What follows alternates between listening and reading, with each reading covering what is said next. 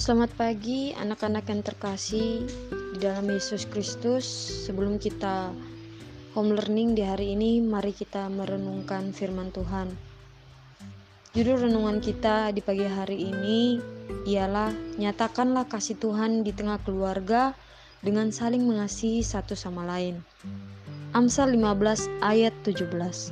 Lebih baik sepiring sayur dengan kasih daripada lembu tambun dengan kebencian.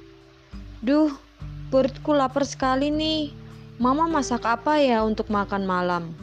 Kata Tito dalam hati. Kemudian Tito membuka tudung saji di dapur. Ada nasi, tempe, tahu, ikan asin, dan sayur bayam. Mah, kok nggak ada dagingnya sama sekali? Mendengar ucapan adiknya, kemudian berkata, Tito, meskipun makanan kita hari ini sederhana, tapi kita harus tetap mengucap syukur karena keluarga kita terus dipelihara di dalam kasih Tuhan. Anak-anak, yuk kita membaca Amsal 15 ayat 17. Penulis Amsal mengatakan bahwa lebih baik sepiring sayur dengan kasih daripada lembu tambun dengan kebencian. Artinya, lebih baik makanan sederhana dipenuhi dengan kasih daripada makanan mewah dipenuhi dengan rasa benci. Anak-anak, kasih adalah hal yang sangat penting untuk dinyatakan di dalam keluarga.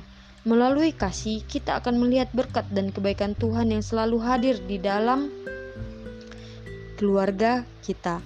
Ayo, kita selalu menghadirkan kasih Tuhan di dalam keluarga kita. Mari kita berdoa.